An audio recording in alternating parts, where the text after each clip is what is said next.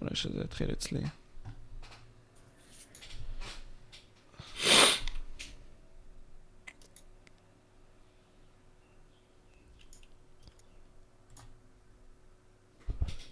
ואנחנו באוויר, אחי! יופי, שי, מאמן. אתה, אתה באת והגעת לתוכנית כאחד שממש ציפיתי אליו, ואני ממש שמח שעשינו את זה אחרי כמה זמן שדיברנו לפני כן, וסוף סוף עשינו את זה, אז תודה רבה לך שאתה הגעת, אחי. ממש מעריך את זה. בשמחה, בכיף, בכיף. מה שקורה? Good to be here. אני, אני, זה כל הזמן, הפתיחות האלה של הפודקאסטים, זה מוזר כזה, כי אתה לא יודע איך להתחיל את זה, אבל יש לי ממש ליד לפה. כי בתור, אה. בתור אחד ש... אתה יודע, אה, אתה יודע, אני נגיד סתם עושה את הפודקאסטים, מין סוג של משהו שאני בורח מהמציאות. באיז, באיזשהו מקום, כן. כי אני יותר נהנה מלדבר עם אנשים ולהגדיל את ראיית העולם שלי, ובסופו של דבר גם לתת לעצמי ערך וגם לצופים שבי את מה שאני לומד. אז פה, אה, זה איכשהו מקשר אותי הסיפור שלך, ויכול להיות שפה אני אפספס כמה נקודות ואשמח שתסביר לי לגביהם. נראה לי זה התחיל בזה שאתה אמרת שבכמה רעיונות שלך היית ילד פחות פופולרי, והמקום בריחה שלך היה המחשב. אז אשמח שמפה תיקח אותי כזה ל... איך זה בכלל הוביל אותך ליוטיוב, כלומר העניין הזה של פשוט לבוא ולהיות הנער הצעיר הזה, שפשוט מנסה למצוא את המקום שלו בעולם, לבן אדם מסוים שפשוט מעלה סרטונים ברשת. אה, אני חושב שזה משהו שהוא מאוד אה, נפוץ אצל רובנו. אה, זה פחות היה בתקופה שלי, זה הרבה יותר קיים פה.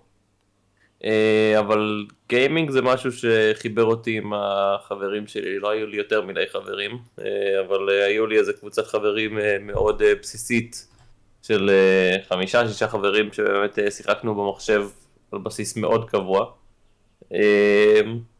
ומשם אתה יודע, אתה משחק במחשב, אתה צורך את העולם תוכן הזה, אתה רואה סטרימרים, אתה נחשף ליוטיוב, ותמיד היה בראש כזה, וואו, זה מגניב, זה כל הקונספט הזה של להיות סטרימר, להיות יוטיובר, כל המסביב.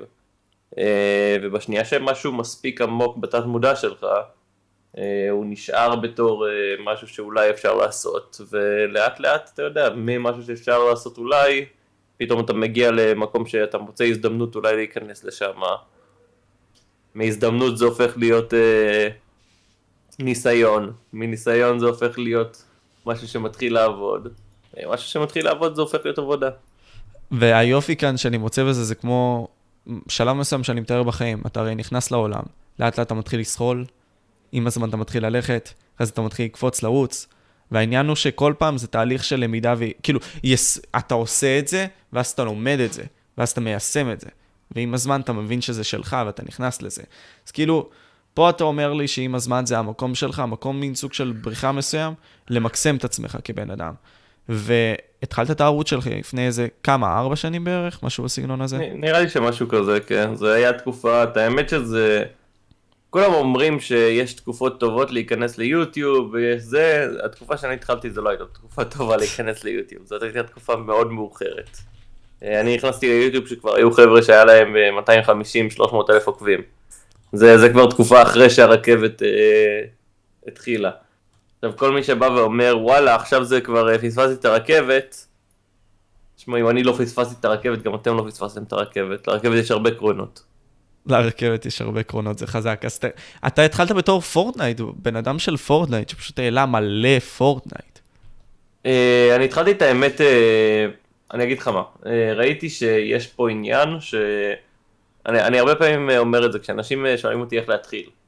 אה, אני אומר להם, תשאלו את עצמכם מה אתם יכולים להביא לצלחת שלא קיים כרגע. למה שאני אראה אה, את מר שיבולת ואני לא אראה את ה-17 אלף גיימרים האחרים שיש בארץ שעושים תוכן. אה, ואז הרעיון זה למצוא את הנישה שלך. אה, הנישה שלי התחילה ב... גם כרגע מה שאני קורא לתוכן שלי זה smart gaming, שזה gaming שהוא פחות אה, לבוא ולצעוק על המסך, יותר לנסות להביא ערך מוסף. לפעמים זה עובד, לפעמים זה לא עובד, אבל לפחות אני מנסה כמעט בכל סרטון להביא איזה ערך מוסף. אה, הרעיון העיקרי זה שבשנייה שיש לך את הקונספט הזה שאתה מנסה להבדיל את עצמך, ואז סבבה, ניסיתי להבדיל את עצמי, מצאתי את העניין הזה של ה smart gaming, עשיתי בפורטנייט את הסיפור מאחורי פורטנייט. אה, ואז כל פעם שהסיפור מתקדם, אני יכול להביא עוד סרטון חדש ולהסביר על איפה הסרט, הסיפור כרגע. ניתוח אנליטי פשוט של כל. הדברים האלה. פלוס מינוס, כן, ובגדול הרעיון העיקרי שם זה שזה משהו שאף אחד לא עשה בארץ. אז אה, זה משהו שעבד בחו"ל, ובארץ אף אחד לא ניסה לעשות אותו. אז פתאום יש לי תוכן שהוא ייחודי לי ויש סיבה לראות את הערוץ שלי. וזה אחד מהסיבות באמת שהצלחתי ממש מהר אה, להתברג בקהילה הזאת. אז אתה כאילו אומר לי, תשמע, יש מין סוג של דברים מסוימים שהם כבר קיימים, בין אם זה ז'אנר הגיימינג, ולוגים, ווטאבר. תביא משהו שהוא לא קיים בארץ, מין סוג של נישה מסוימת בתוך הדבר הזה שבחרת, שתבדיל אותך מהשאר. כלומר, מה הופך אותך קיים למיוחד? בארץ. גם יכול להיות כן קיים בארץ כל עוד אתה יודע שאתה תעשה את זה יותר טוב מאנשים אחרים, או שהאישיות שלך היא מספיק ערך מוסף בשביל אה, לה- להיכנס לאנשהו. אבל אתה חייב לבוא ולעשות את ההבדלה בינך לבין מישהו אחר, כי אם לא תעשה את ההבדלה אין שום סיבה שיראו אותך. זה מזכיר לי מין סוג של שיחה מסוימת שעשיתי לסטרימר כלשהו אתמול, והתקשרתי אליו ואמרתי לו את זה, תקשיב, יש הרבה מאוד סטרימרים בחוץ. מה דווקא אותך? למה? לא, אוקיי, אתה רוצה את הקול שלי, אתה רוצה את הווטות שלי, אתה רוצה שאני אבוא ואצפה בך? תסביר לי למה. תן לי את הסיבה למה להשקיע את הזמן היקר שלי, שאני יכול בו לגלול בטיקטוק ולהעביר את הזמן לראות אנשים נופלים ומקבלים מכות לביצים. למה שאני אצפה דווקא בך, אחי? נכון? בעולם של שפע, בעולם שיש בו כל כך הרבה אנשים עם תוכן הרבה יותר ככל הנראה איכותי, למה שאני אצפה בך? זה הכל תחרות על ה-attention span שלך, בסופו של דבר, נכון. על תשומת לב שלך. וזה זה גם מה שאני אוהב ביוטיוב את האמת, שהפלטפורמה שלי מאפשרת לי לבוא ולעשות סרטונים, ששמע, בסופו של דבר ה-attention span של כולם ירד רצח בגלל טיק טוק, לפי דעתי זו תופעה נוראית, אבל בסופו של דבר אתה יוצר סרטון. העובדה שאני יכול ליצור סרטון, ושאנשים יראו אותו בערך לפי דעתי הזמן הממוצע של הצפייה שלי בערוץ זה שמונה וחצי דקות. יפה. שמונה וחצי דקות אחי? בואנה, אני לא מצליח לראות שמונה וחצי דקות. גם אני לא. לא, האמת שפודקאסטים... הרגו אותנו. כן. אני אגיד לך מה, אה, כאילו זה, זה אה. מטורף. היה מחקר ב-2000 ומשהו, 2002 אם אני לא טועה, שאמר ששבע שניות זה התשומת לב שלנו. כבר אז, כבר אז, לפני הטיקטוק. נכון, הטיקטוק עושה capitalization על זה, הוא משחק על הקונספט שגם ככה אין לנו טווח קשב יותר מדי ארוך. אה, וגם דחיית סיפוקים, יש שם הרבה מאוד דברים שהם אה, משחקים עליו. אני זוכר, דיברת על זה באשטג, אה, בפודקאסט שלכם, ואמרת בסופו של דבר שהעניין הזה של הטיק-טוק, זה גורם, זה בסופו של דבר הופך את זה למכני. והמכניות בסופו של דבר גורמת לזה שאני הבן אדם פחות יתקשר בעצם ליוצר תוכן. אפילו אם הוא בא ומייצר לי כל כך הרבה סרטונים, אני לא זוכר אם אתה אמרת את זה, קייסה או גריני, אבל אמרתם משהו בסגנון הזה ש... אוקיי, אני עכשיו רואה אותך, אני זוכר אותך, מר שיבולת, אתה מהיוטיוב. אני זוכר אותך כי אתה כן. עושה סרטונים כאלה וכאלה, יש לך את הנישה הזאת. אבל בטיקטוק, אתה הבחור הזה מהטיקטוק. לא נכון. אמר שיבולת.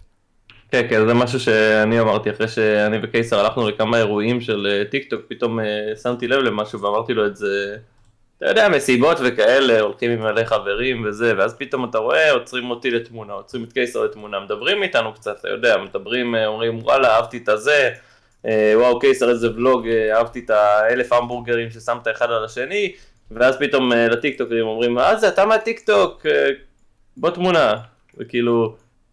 זה סוג אחר של פרסום. זה, יש, יש סיבה מאוד ברורה שרוב החבר'ה של הטיקטוק מנסים לפתוח יוטיוב לפי דעתי. רוב החבר'ה של יוטיוב מנסים לפתוח טיקטוק. כן, של אני- טיקטוק. רוב החבר'ה, אה, כן. טיקטוק מנסים, כן. אבל אני אגיד לך מה, איפה אני תופס את זה. אנחנו- אני לקחתי, עשיתי פאנל מסוים של יוטיוברים עם טיק טוק, ובסופו של דבר הגענו למסקנה כזאת, וזה משהו נכנסנו איתו בתחילת השיחה, שיוטיוברים של טיק טוק לא יכולים לעשות את העבודה של יוטיוברים, כמו שיוטיוברים יעשו עבודה טובה בטיק טוק. יש בזה משהו. יש בזה משהו. זה טיקטוק, זה, זה לא שזה יותר קל, אבל יותר נגיש להיכנס וללמוד את השפה של הפלטפורמה הזאת. במיוחד כשיש לך את הכלים כבר לעשות את התוכן ביוטיוב. אה, ואז בשנייה שיש לך כלים לעשות את התוכן ביוטיוב, אתה יודע, כבר לעשות תוכן של 5 שניות זה לא נראה לי כזה מסובך, 20 שניות. אתה עושה באופן קבוע תוכן של אה, 12-20 דקות. אז אמר. אז אמרת בסופו של דבר שאתה כאילו מין סוג של ערוץ, או מנסה להביא את הפאנץ' הזה של Game Theory, ממש בעניין הזה, לערוץ שלך, בכל הדברים שאתה עושה. מההתחלה, ממה שאני שמתי לב, אתה יותר הלכת בערוץ ה- הש- המרכזי שלך, כן? לפני שאנחנו נכנסים לשואוץ, אה, על הטרנדים. על הפורטנייט. אמונגס, מיינקראפט, כאילו מיינקראפט היה לפני, אמונגס. איך אתה מסתכל על טרנדים ככלל? כלומר, אם אני עכשיו ערוץ מסוים, אמ, איך אני אמור להיכנס לטרנדים? האם אני אמור להישאר בטרנדים וכל הזמן להיות סביבם? כלומר, איך אנשים יבואו ויסתכלו עליי מערוץ חוץ מטרנד כלשהו? האם זה, התשובה היא אה, להתפקס על משחק מסוים ולעשות כאילו כל השאר טרנדים? אה, החלק ש... כאילו גם מה שאמרתי על העניין של Game Theory זה מאוד נכון, אה, בקטע של גם אם תסתכל על הערוצים של מת, הוא הולך כמעט 80% על טרנדים, וזה סבבה לגמרי. הקטע זה שהוא מוצא את הסיבוב על הטרנד שהוא מתאים לערוץ שלו, הוא מוצא את השפה שהערוץ שלו מדבר בה. אה, וזה בדיוק מה שאני עושה פה, כשאני עשיתי המונגס, אה, עשיתי סרטונים שהם עם הרבה פחות עריכה, הרבה פחות פלאשים, אה, ומה שעשיתי זה בעצם כל פעם ש... החבר'ה עשו replays וכאלה, כאילו קיסר, ראית את הסרטוני Among Us שלו, זה דברים, עריכות מטורפות, זה שונה אה, flashy בכלל. משלך. ואצלי כאילו אני מדבר על הדרך מחשבה שלי, למה זה, אה, למה הוא בסדר, למה השני יש לו אליבי, אה, לפי דעתי מי זה זה, מה מתי, וכאילו, לנסות להביא את החשיבה שלי למצב יותר קוהרנטי לצופה.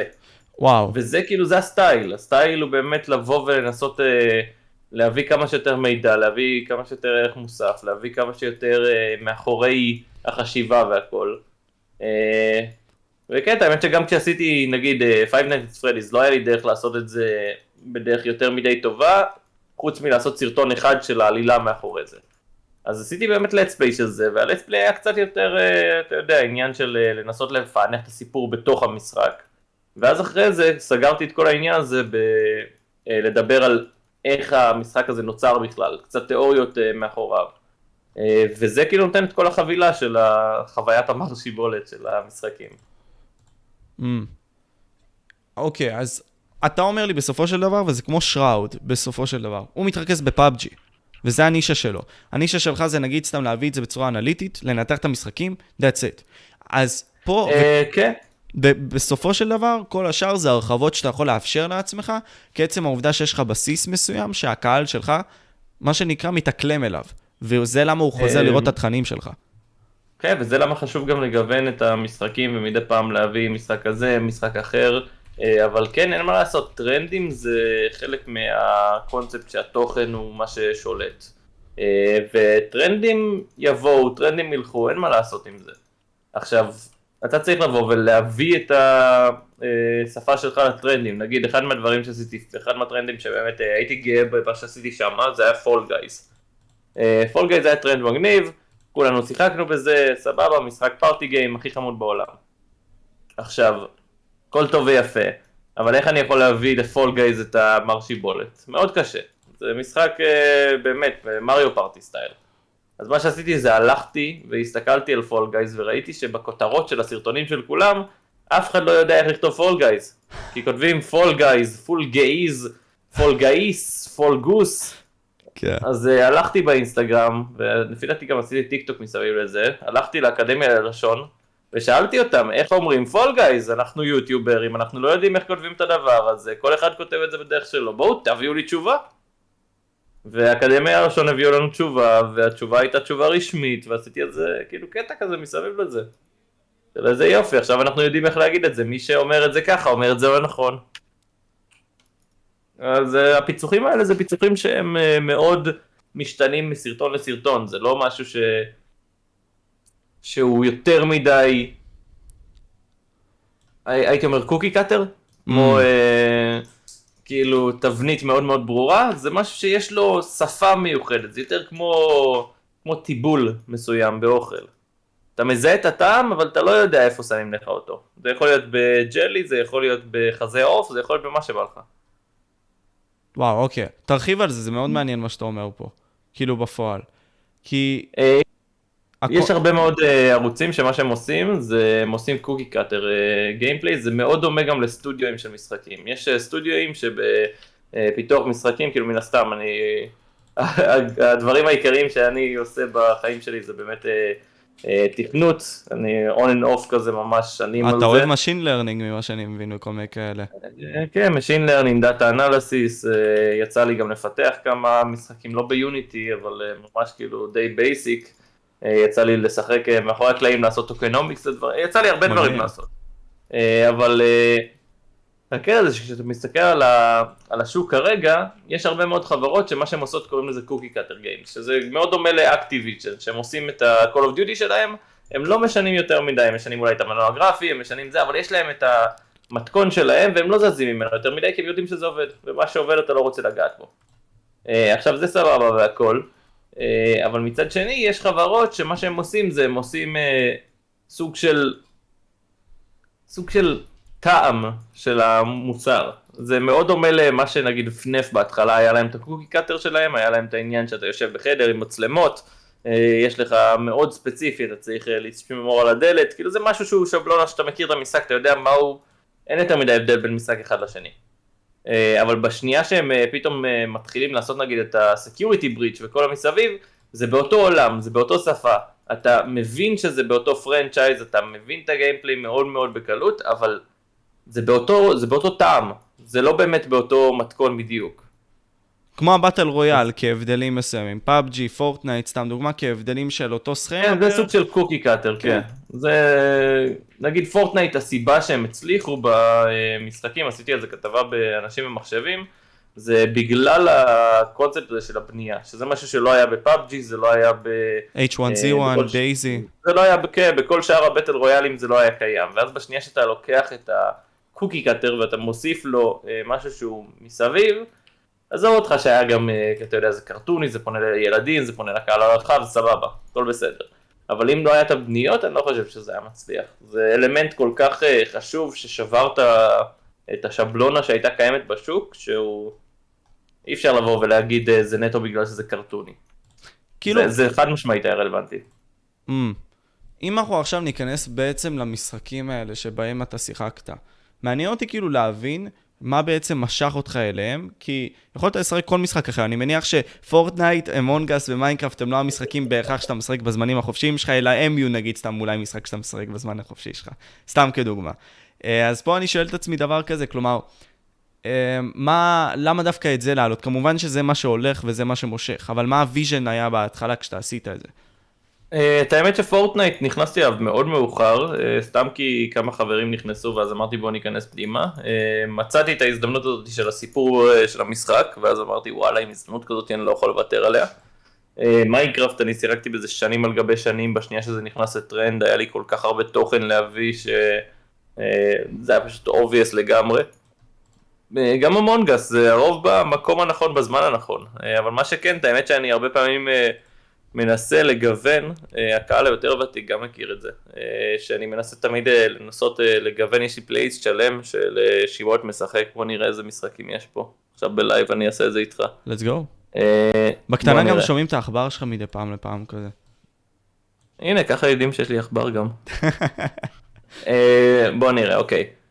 אה, שיבולת משחק, יש לי פלייליסט שלם עם מלא מלא סרטונים עם מלא משחקים. אה, איזה משחקים יש פה? יש פה פוקימון, יש פה Luigi's Mansion, יש פה Fall Guys מן הסתם, אה, יש פה War Z, אה, שזה בעצם עם אה, משחק זומבים ישראל. יש פה it with fire, animal crossing, call of duty, resident evil, I'm bread, I am goat, dauntless, star wars, מורדאו, יש פה ים של משחקים, לפי דעתי בערוץ יש לי איזה 80-90 משחקים ששיחקנו בהם. אה, וזה נטו ממקום שאתה יודע, מדי פעם אני מנסה דברים חדשים, אני מנסה להבין מה הלו"ז. אני הרבה פעמים אוהב לזרוק דברים לקהל, כדי שהם עדיין יזכרו שוואלה זה, יש פה טרנדים והכל, אבל הרבה פעמים אני עושה גם דברים אחרים. שיחקתי קוקי קאטר בערוץ. אה, לא cookie cutter, Cookie Clicker. Cookie קיקלי Clicker. לא, מה יצא לי מהפה עכשיו? אבל וואו, כאילו אתה אומר לי, אוקיי, יש לך בסיס מסוים שזה הז'רגון שלך, ואתה מנסה להביא דרך הווייבים של מי שאתה, פשוט את התכנים האחרים. ואפילו אם הם לא כן. תופסים, אה, הקהל יודע שאתה אוהב את זה. אז so be it. לגמרי, אני גם מנסה שהם יתפסו, וזה באותו שפה, אבל כן, נגיד Cookie Clicker, יש לי פה סרטון של Cookie Clicker עם 150 אלף צפיות, סורי, זה לא... זה קטלני. 150 אלף צפיות על קוקי קליקר של סרטון של 24 דקות, זה לא נשמע לי משהו שהוא... אה, שהוא אומר שהשבלונה לא עובדת, שה, שהטיבול לא עובד, כי השבלונה לא יכולה לעבוד על קליקר, זה לא משחק שיש בו מספיק אה, נפח לזה. אה, אבל עובדתית זה עובד, אנשים אהבו את זה משום מה, לא יודע למה. וכן, יש פה כאילו הרבה, יש פה סרטונים של, של המשחק עם הפינגווין, אם אתה מכיר את המשחק עם הפינגווין שהיה ממש כשהיינו צעירים. פינגווין? שאתה צריך להגיע לחלל עם חללית עם פינגווין, משחק פלאש כזה דפדפן. לא, אה, אני יודע מה אתה מדבר, לא, לא, לא, לא מכיר, לא מכיר. אז... אבל אני, אני, אני יודע מה אתה מדבר, זה מין סוג של כן. כזה רוקט כזה שבא ועף באוויר, כאילו, משהו בסגנון הזה, ויש כן, כן מטר כן, כזה כן. בצד הימני כזה של הצד, של המסך, משהו בסגנון הזה, נראה לי. כן, כן, שצריך, ל... כן, לא קשור, אבל אה, זה, אתה יודע, זה, יש מלא דברים שאתה מסתכל עליהם והם לא טרנדים וזה סבבה. אה, מצד שני, אתה יודע, גם עם הטרנדים צריך לשחק, יש תקופות שהן יותר חזקות, יש תקופות שהן יותר חלשות. אתה אה, בעצמך, נגיד, סתם שאלת בפוסט קהילה, האם אתם רוצים שאני אכנס ל Fall Guys או לא, סתם דוגמה. כן. אה, שאלתי, ראיתי שיש הרבה שכן רוצים, מן הסתם אבל כבר Fall Guys היה בערוץ, זה לא שזה לא היה, וראיתי שיש הרבה שאמרו שהם פחות בעניין, היה 30% שאמרו לא. שזה בסדר, אני לוקח את זה. 30 אחוז כל בן אדם שלישי בערך. לא חובה, לא חובה. התחלתי לשחק פול גייז חזרה, התחלתי לשחק עם אה, שלי, עם הבת זוג שלי, אבל אה, אם אה, לא, לא רוצים, אני באמת, הערך המוסף שיש לפול גייז בערוץ הוא לא כזה גדול. הוא, זה, זה נגיד משחק שמאוד קשה לי להכניס אותו לשבלונה, וכמה שקשה לי להגיד את זה, כאילו באמת זה, זה משחק שבשביל להכניס אותו לשבלונה אני צריך לאנוס אותו. אני צריך לבוא ולש... אין, זה, זה משחק על, על ג'לי בינס שצריך לרוץ איתם ולקפוץ. אני מת על המשחק הזה, הוא מצוין, אני, אני גם לא רע בו. אבל זה לא משהו שהוא מספיק אה, קוהרנטי לשבלונה. אמת, אמת. אז אוקיי, בוא, בוא ננתח את זה ככה. איפה לדעתך הטרנדרים, כאילו היוטיוברים של הטרנדים טועים לדעתך? בסופו של דבר. לא, אני לא חושב שהם טועים. נגיד סתם יש עכשיו אה. את פריזי, סתם דוגמה, בן אדם שאני חבר שלו והכל, אנחנו מדברים וזה, אה, והבעיה שלו היא שאחרי שהוא עשה והספים כל כך הרבה זמן את הפורטנייט, הוא כבר לא... כבר אין, נגיד סתם, הקהל שלו אין לו עניין בתכנים אחרים. כמובן שהוא משיג עדיין את הצפיות שלו, אבל הן לא יחסיות לדברים שהוא עושה. נגיד סתם, הוא לא מקבל את הצפיות שלך, נניח. אתה מבין? אה, שמע, אין אין פה משהו נכון ואין פה משהו לא נכון. אה, אם אתה עושה משהו על טרנד, הרבה פעמים הקהל שיגיע הוא יגיע בשביל הטרנד ולא בשבילך. ואז בשנייה שאתה עובר לדברים אחרים, אז מן הסתם רוב הקהל שהגיע בשביל הטרנד לא יישאר איתך. אז זה מה שאני מאוד מנסה לעשות, ותמיד לעשות עוד איזה סרטון כזה בקטנה, שמנסה להביא את הקהל, שיהיה קצת אה, קבוצה יותר הדוקה של אנשים. שאתה יודע, שילכו אחריי גם אם אני אעשה סבנאוטיקה, אה, גם אם אני אעשה קוקי קליקר, אבל כאילו, קבוצה קטנה יותר של אנשים שיבואו ויהיו איתי לא משנה מה אני עושה, אה, ויאהבו את זה בשביל, בשבילי. אה, ואם אתה עושה רק טרנדים, אז אתה לא יכול להבטיח את זה, אין לך דרך להבטיח את זה. בהגדרה, בשנייה שעשית רק טרנדים, אז יש סיכוי טוב שהרבה מאוד מהקהל שלך יגיעו בשביל הטרנד. Uh, עכשיו, גם העניין הזה, נגיד uh, פריזי ספציפית, uh, אני מת עליו, אבל uh, אחת מהבעיות של פריזי זה התמדה. הבחור לא מתמיד מספיק. הוא עושה איזה סרטונים פעם ב... עושה שלושה ארבעה סרטונים, ואז יש לו הפסקות. האלגוריתם לא אוהב את זה, הקהל פחות אוהב את זה. זה בעייתי לעשות ככה את התוכן, כי הוא עושה סרטונים ברמה מאוד גבוהה. אבל בשנייה שאתה עושה את ההפסקות האלה של פה שלושה שבועות, פה ארבעה שבועות, הקהל לא יודע לסמוך עליך, זה קשה לו. הקהל לא יודע לסמוך עליך, זה קשה לו, וזה מין סוג של התייחסות שהיא אה, חובבני, כאילו, לא שאני מזלזל בפריזי, כן, אבל זה יותר התייחסות של חובבן תחביבי כזה, שזה עושה את זה בתור תחביב, ולא בתור ביזנס. כאילו, הוא לא פיני בראל בקטע הזה. כאילו, פיני, אני מדבר איתו והכל, ההתייחסות שלו, ונראה לי גם ההתייחסות שלך לזה, זה שזה ביזנס. עובדתית, לך זה כן. כי היית בהייטק שלוש שנים, אם אני לא טועה, משהו בסגנון הזה, ופשוט לקחת ואמרת, אוקיי, okay, that's my main thing. ופשוט אמרת, אוקיי, okay, אני אתן בזה הכל. כמו פיני, כן. על אותו עיקרון. לגמרי.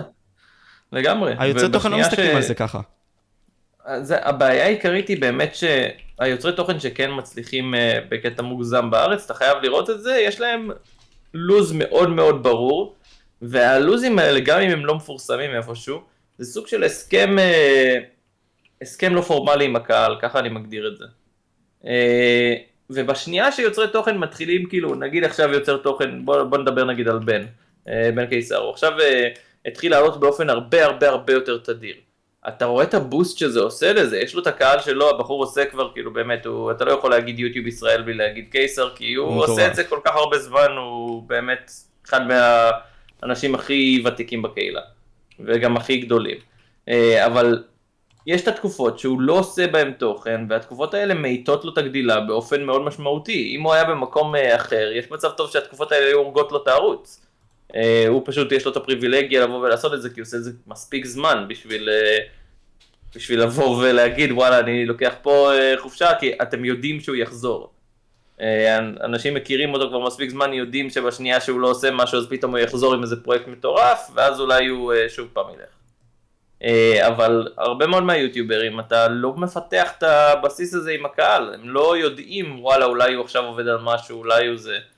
זה נראה להגיד חובבני זה לא יפה, אבל כן, זה נראה די חובבני, יש בזה מן הסתם את העניין הזה מהצד, שאנשים אומרים וואלה זה... לא, לא חובבני מבחינת האיכות, אבל זה חובבני מבחינת המוסר עבודה. בשנייה שאתה רוצה לבוא ולעשות איזה, לראות איזה משהו, אני רוצה לבוא ושיהיה לי את הבסיס הזה שאני יכול לבוא ולסמוך עליך שתבוא ותבדר אותי. כמה שזה... כמה שזה מפגר לבוא ולהגיד, תבוא ותבדר אותי, אה, אני חייב את זה. אבל זה, זה העולם, זה למה הוציאו ספרים כמו עולם חדש מופלא, כאילו כל מיני ספרים כאלה, שפשוט תביא לי את הכפית לתוך הפה ואני אהנה מזה. ודרך זה אני אביא לך את התשומת לב שלי, זה exchange.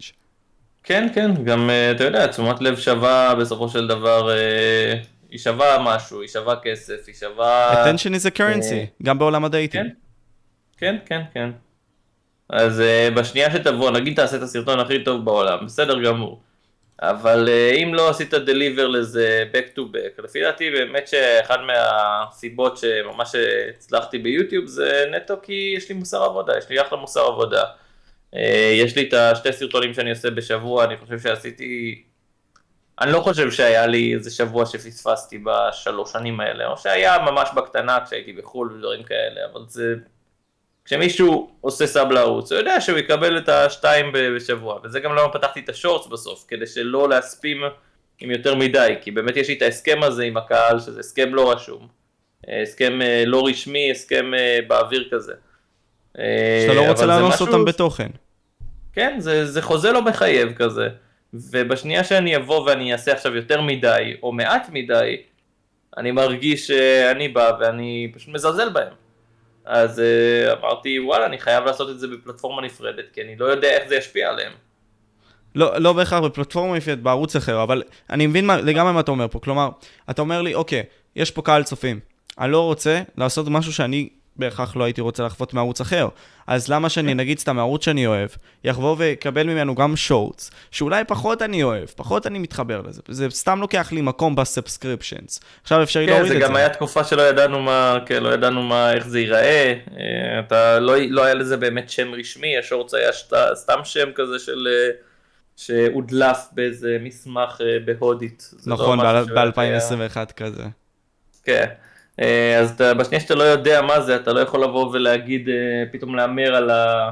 אה, להמר על ה subscription feed של הקהל. זה משהו שאני בתור צופה לא הייתי זורם איתו. בדיוק. אמרתי, אם אני בתור צופה לא הייתי זורם איתו, אין סיכוי שאני ארצה שאני אעביר את זה לצופים שלי. אנחנו ממש ניכנס לזה עכשיו. כלומר, אני באמת רוצה לנתח את זה. האם אתה מהיוטיוברים האלה, שי, שנגיד סתם מתזמנים את הסרטונים שלהם מראש, בכדי למלא בעצם את הזמן הזה של יוטיוב? נגיד סתם, אני אשתף אותך, דיברתי עם דידקשן בטלפון, והוא אמר לי, תשמע, אני מתזמן כמה חודשים קדימה את הסרטונים. למה? כדי שבסופו של דבר תהיה לי המנוחה מיוטיוב, ובפועל אני אוכל לעשות את הדברים שאני רוצה בדברים אחרים. ואוכל לשחרר את הזמן שלי ככה. אז כאילו, אתה אומר לי שאתה כן עושה את זה. למה אתה עושה את זה? כן. לא, אני לא, מש... לא מתזמן את זה חודשים מראש, חודשים מראש נראה לי מוגזם, כי בסופו של דבר אתה חייב שהתוכן יהיה איכשהו באותו שפה, ואתה חייב שהוא גם יהיה אקטואלי.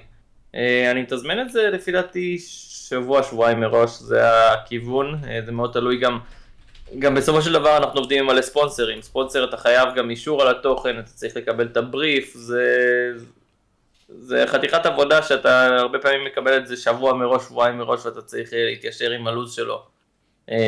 אז בדרך כלל זה שבוע מראש, ביום שבת כזה אני מסיים את השבוע הבא, וזה עובר back to back כזה. אבל כן, זה משהו שאתה חייב לעשות, אם אתה לא תתזמן את זה מראש, זה לא, אין דרך, זה לא משהו שיעבוד לבד. Mm. וכי, כי בסופו של דבר גם אתה לא יודע באיזשהו יום או תקופה מסוימת שתהיה לך גרועה. כלומר, אנחנו יצורים שהם בסופו של דבר עם עליות וירידות.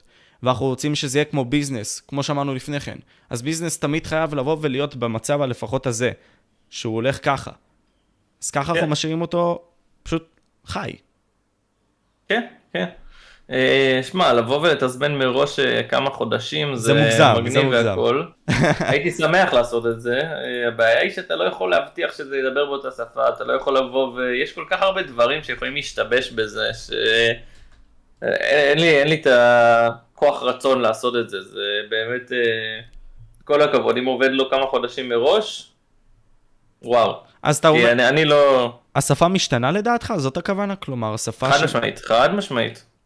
אז נגיד סתם ניקח חודשיים. הבדיחות של היום לא יעבדו לך עוד שבועיים, לא זה, כן? יש לך הרבה דברים ש... יש הרבה דברים שהם סיזונל, אה, uh, יש דברים שאני קורא להם evergreen, שזה הסטייל של דברים שיעבדו כל הזמן. ולא חסרים דברים כאלה, יש, יש לא מעט. Uh, אבל אתה לא יכול שהכל יהיה evergreen, יש הרבה מאוד סרטונים שאתה רוצה שהם יהיו אקטואליים, שהם יהיו, uh, שיעבדו כרגע ל... לא יודע, לשבועיים שלושה, אה, וזה גם סבבה. זה לא, לא כל הסרטונים הם לנצח. אה, יש גם טרנדים שאתה רוצה לרכב עליהם שהם אה, ספציפית נשארים מעט מאוד זמן. פול גייז לפי דעתי לא, לא הולך להישאר יותר מ... לא יודע, כמה זמן אני אתן לו? שבועיים אפילו? מה אתה אומר? וואו, זה, זה וואלה, הבטחה טובה מה שנקרא. אבל למה אתה צופה כן, את זה ככה? אתה יכול לבדוק את זה. כי זה טרנד שהוא לא מחזיק מים, זה טרנד שסבבה, הוא היה משחק שהוא עבד אה, גם אז לשלושה שבועות. סבבה. הטווח קשב של אנשים לא מצליח להגיע ליותר מדי מזה. אה, בעיקר אם זה משחק שהוא כל כך פשוט, שאתה באמת יכול להסתכל עליו ולהבין אותו תוך שנייה וחצי, ואפילו אמא שלי יכולה לשחק בו. אה, שזה סבבה, זה אומר שהאנטרי ברייר שם הוא מאוד נמוך, אבל זה אומר גם שהעומק שם הוא גם מאוד נמוך. אה, אין שם מספיק תוכן, וזה שהם עשו אותו חינם, סבבה, פתח אותו לקבוצה הרבה יותר גדולה של אוכלוסייה כרגע. אה, אבל הקבוצה הזאת גם יימאס לה אחרי שלושה שבועות, וזהו, זה ימות, אני לא חושב שזה יחזיק יותר מדי. למרות שאנחנו כרגע בתקופה שאין שום משחק אחר, אז יכול להיות שזה יחזיק קצת יותר. פעם אחרונה שזה מת, היה לך את המונגס שהוא החליף אותו, והיה לך את זה, ו... זה שוב פעם, דרך אגב, זה כל פעם שפול גייז מתחיל להיות פופולרי, זה... סימן שאין כרגע משחקים טובים בשוק. ולדעתך בעולם יצירת התוכן, דיברנו על, הפריב... על העניין הזה שיש פריבילגיה ליוצרי תוכן, בגלל שלדעתי זה מין סוג של תיאוריה שלי, the richer get richer and the poor get poor, בקטע הזה של יוטיוב ישראל. שאם אתה נגיד סתם יוצר תוכן שכבר השגת את הקהל, בעיקרון אין פה תחרות, קשה מאוד לעלות, בין אם זה לסטרימרים, קשה מאוד לעלות, יכול להיות שאני טועה פה, אני אשמח לשמוע את הדעה שלך, יוצרי תוכן והכל, אה, בגלל ש... לעלות למעלה זה מאוד קשה. כל עוד לא מגיע איזשהו משהו שיבוא וייתן לך את המקפצה, כמו שת"פ מטורף. כמו הטרנד אולי שייתן לך את החשיפה אפשרות. אבל יכול להיות שאני טועה, או שמה אתה חושב? אה, אני חושב שיש את העניין הזה שבאמת, אה, יש אה, קונספט בתיאוריה תקשורתית שקוראים לו הזנב הארוך, שזה באמת העניין של The Richer Get Richer, שיש לך אה, את הכמות תוכן שאנשים עושים, וזה מחולק למקום שזה בעצם גרף שהוא מתחיל פה. אה, יש לך את החמישה עשרה אנשים הראשונים שהם די גבוה כל הקהל שם, ואז לאט לאט זה יורד, ואז יש לך זנב מאוד ארוך, שזה בעצם היוצרי אה, תוכן היותר קטנים, נגיד נקרא לזה פחות מ-30 אלף, רוב היוצרי תוכן בארץ יהיו בקטגוריה הזאת. באופן מאוד מאוד אובייקטיבי, זה, זה הקטגוריה, כי זה משהו שעובד בכל מודל תקשורתי כמעט שקיים, בין אם זה ערוצים, בין אם זה פודקאסטים, הכל. אה, עכשיו זה, זה סבבה לבוא ולהגיד אה, שאי אפשר לבוא ולצאת מהברייר הזה, אה, מן הסתם אני מדבר פה תחת אה, survivorship bias של בן אדם שאשכרה כאילו, אני נכנסתי לזה מאוד מאוחר אז אני כאילו הגעתי ל, למקום כזה. אה, אני לא חושב שזה 100% מדויק שאי אפשר להגיע לשם, אני כן מבין את מה שאתה אומר על העניין הזה של אין מה לעשות, בשנייה שהאור זרקורים עליך, בשביל שהוא יפסיק להיות עליך, אתה חייב אה, לזלזל, להפסיק אה, לעלות, אה, אתה חייב לעשות משהו מאוד דרסטי בשביל ש, שזה יצא ממך. וגם אז פתאום אנשים כמו טרדג' AI וכל אלה עדיין יכולים לעשות קאמבק אחרי שנתיים ושעדיין יהיה להם הרבה מאוד קהל. אה, גם כי יש לו שרת את כאילו הדיסקורד הכי גדול בארץ, אבל כן, אני מבין מה אתה נכון. אומר. אה, אבל גם אם, גם אתה יודע, יש לו את שרת הדיסקורד הכי גדול בארץ והכל, אבל גם אם, אה, גם אם לא היה לו את השרת דיסקורד, עכשיו אנשים כמו, גיא טיווי. שאני לא בטוח מ... גיא טיווי, כן, נגיד גיא טיווי עכשיו לא העלה שנים על גבי שנים, פתאום מעלה, עושה סרטון מיינקראפט, מקבל 300 אלף צפיות, עושה סרטון על קליפ מסוים, ואז נעלם שוב פעם. עדיין, כל פעם שהוא חוזר, זה כן יש פה את העניין הזה ש... שכן יש לו את הבמה והוא כן יכול לבוא ולעשות את זה. אה, יש בזה חלק מהעניין, יש בזה משהו ש... אה, זה rich get richer. אבל אני חושב שזה קיים כמעט בכל פלטפורמה, זה לא משהו שהוא ייחודי ליוטיוב וזה לא משהו שהוא ייחודי לטיק טוק, אם תסתכל על צ'ארלי דמיליו וכל האלה, כמה זמן לקח לעקוף אותה. אה, ועכשיו את קאבי ליים שהוא בכלל לוקח את זה רמה אחת קדימה. זה עובד בכל פלטפורמה. זה עובד בכל פלטפורמה. אם אנחנו ניכנס עכשיו לתוכן של אותם יוצרי תוכן בסופו של דבר, מה אתה רואה שחסר לדעתך? כלומר, אפילו אצל היוצרי תוכן האלה שהם שומרי הסף כחלקם, הכי טובים כחלקם, whatever כחלקם, מה אתה חושב שחסר בארץ? האמת שאני לא יודע, וזה הקטע היפה, כי אם הייתי יודע, אז uh, כנראה שהייתי אה, עושה איזה outsourcing ועוזר למישהו לבנות את זה עם תחת אחוזים או משהו כזה, הייתי וואלה. לוקח את זה כהזדמנות, זה לא... כן, אין מה לעשות, בשנייה שאתה מוצא הברקה כזאת של מה חסר, זאת השאלה של המיליון דולר. אם אתה יודע מה חסר ואתה אומר וואלה אני בטוח בזה, ואני... כשאני פתחתי את מר שיבולת אני הייתי מספיק בטוח בשביל לעשות את המהלך ולפתוח את זה, אבל עדיין לא הייתי 100% בזה, אני לא הייתי ממש ממש בטוח בזה. אבל אם יהיה לי תשובה לשאלה הזאת של מה אני חושב שחסר ומה אני יודע שיש במקום אחר, הייתי בשנייה מעביר לזה קצת משאבים, מנסה לפתח מזה משהו. אה, זאת השאלה הגדולה בעיקר. אז אתה אומר לי סתם תיאורטית, אני דיברתי עם פיני בנוגע לדברים האלה, יש לי איזושהי נישה שמצאתי לי, שאני יודע בוודאות, שי, שאם אני אעשה אותה עכשיו, היא תצליח, בוודאות, כאילו 100%, מיליון אחוז, אף אחד לא ראה אותה. אף אחד לא עשה אותה גם. תעשי אותה. אבל, אבל אין לי זמן, אין לי זמן. עכשיו ספציפית אני מתגייס עוד כמה זמן, אין לי זמן. מה אני אעשה? מה... אז תמצא מישהו אחר שיעשה אותה. תמצא מישהו אחר, תעשה איזה ערוץ בשיתוף, אה, ת, תעשה איזה חוזה קטן כזה לפני כן, אה, חוזה בין אישי כזה של כמה אחוזים כל דבר, תבוא תחזיק לו את היד, תבנה איזה קונספט של איך זה ייראה בדיוק, וסע על זה. מעניין. לא, יש... לא חסרים אנשים שעושים דברים כאלה, זה לא... אתה לא תהיה הראשון שעושה outsourcing לערוץ, בוא נגיד את זה ככה. זה במאה אחוז, זה במאה אחוז. יש פה אה, קפטן בן, אני לא יודע אם אתה מכיר, נראה לי שכן, הוא אומר מה שחסר בארץ זה קהל. עכשיו, מעניין. זה גם נכון. זה גם נכון, חסר קהל בארץ, אין מה לעשות עם זה, אבל uh, זה חלק מה... שמע, החסר קהל בארץ זה תלונה שהיא מאוד uh, מוכרת, היא מאוד במקום. Uh, אבל הקטע הזה שחסר קהל בארץ, שזה זה חרב... Uh, עם שתי צדדים. מצד אחד חסר קהל בארץ, מצד שני בגלל שחסר קהל בארץ יש לך את העניין הזה של האפקט חממה. יש מעט מאוד אנשים על הרבה מאוד תוכן, אה, כל תוכן שאתה תעשה פה יותר קל לתפוס מאשר חו"ל. בחו"ל אה, בשנייה שאתה עושה עכשיו איזה תוכן, סרטון, ווטאבר, אתה תעשה סרטון מר שיבולת, אף אחד לא היה תופס את זה בהתחלה. יש תחרות. אבל יש איזה אפקט, יש הרבה יותר תחרות, יש הרבה יותר קהל, יש הרבה יותר uh, diversity, scarcity.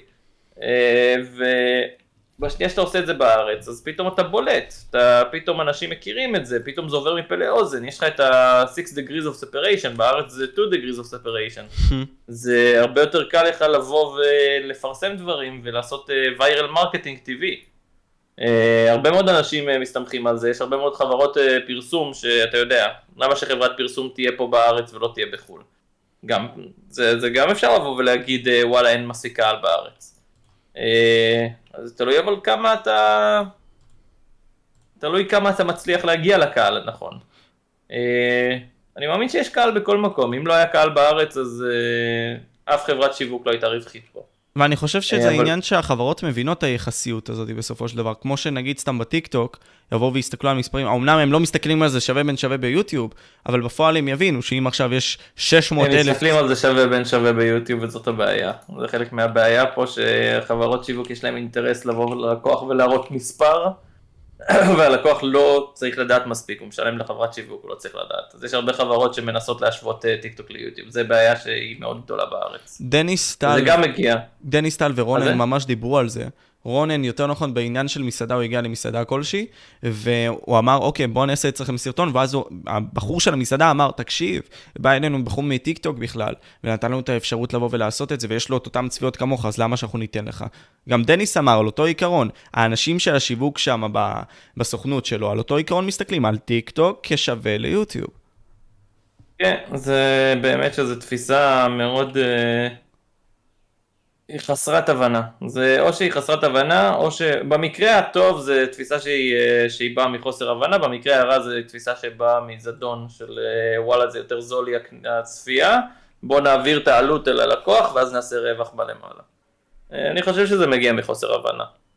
אין מה לעשות, צפייה של 12 שניות וצפייה של 7 דקות, אחד מהם תביא לך call to action, יש גם הרבה מאוד מחקרים שעשו על העניין הזה של כמה אתה לייקלי ללחוץ על לינק עם הקריאייטיב של הסרטון מספיק מדויק, או עם הסרטון מספיק ארוך וזה יוצר תוכן שאתה מתחבר אליו. העניין של יוצר תוכן שאתה מתחבר אליו זה סופר חשוב.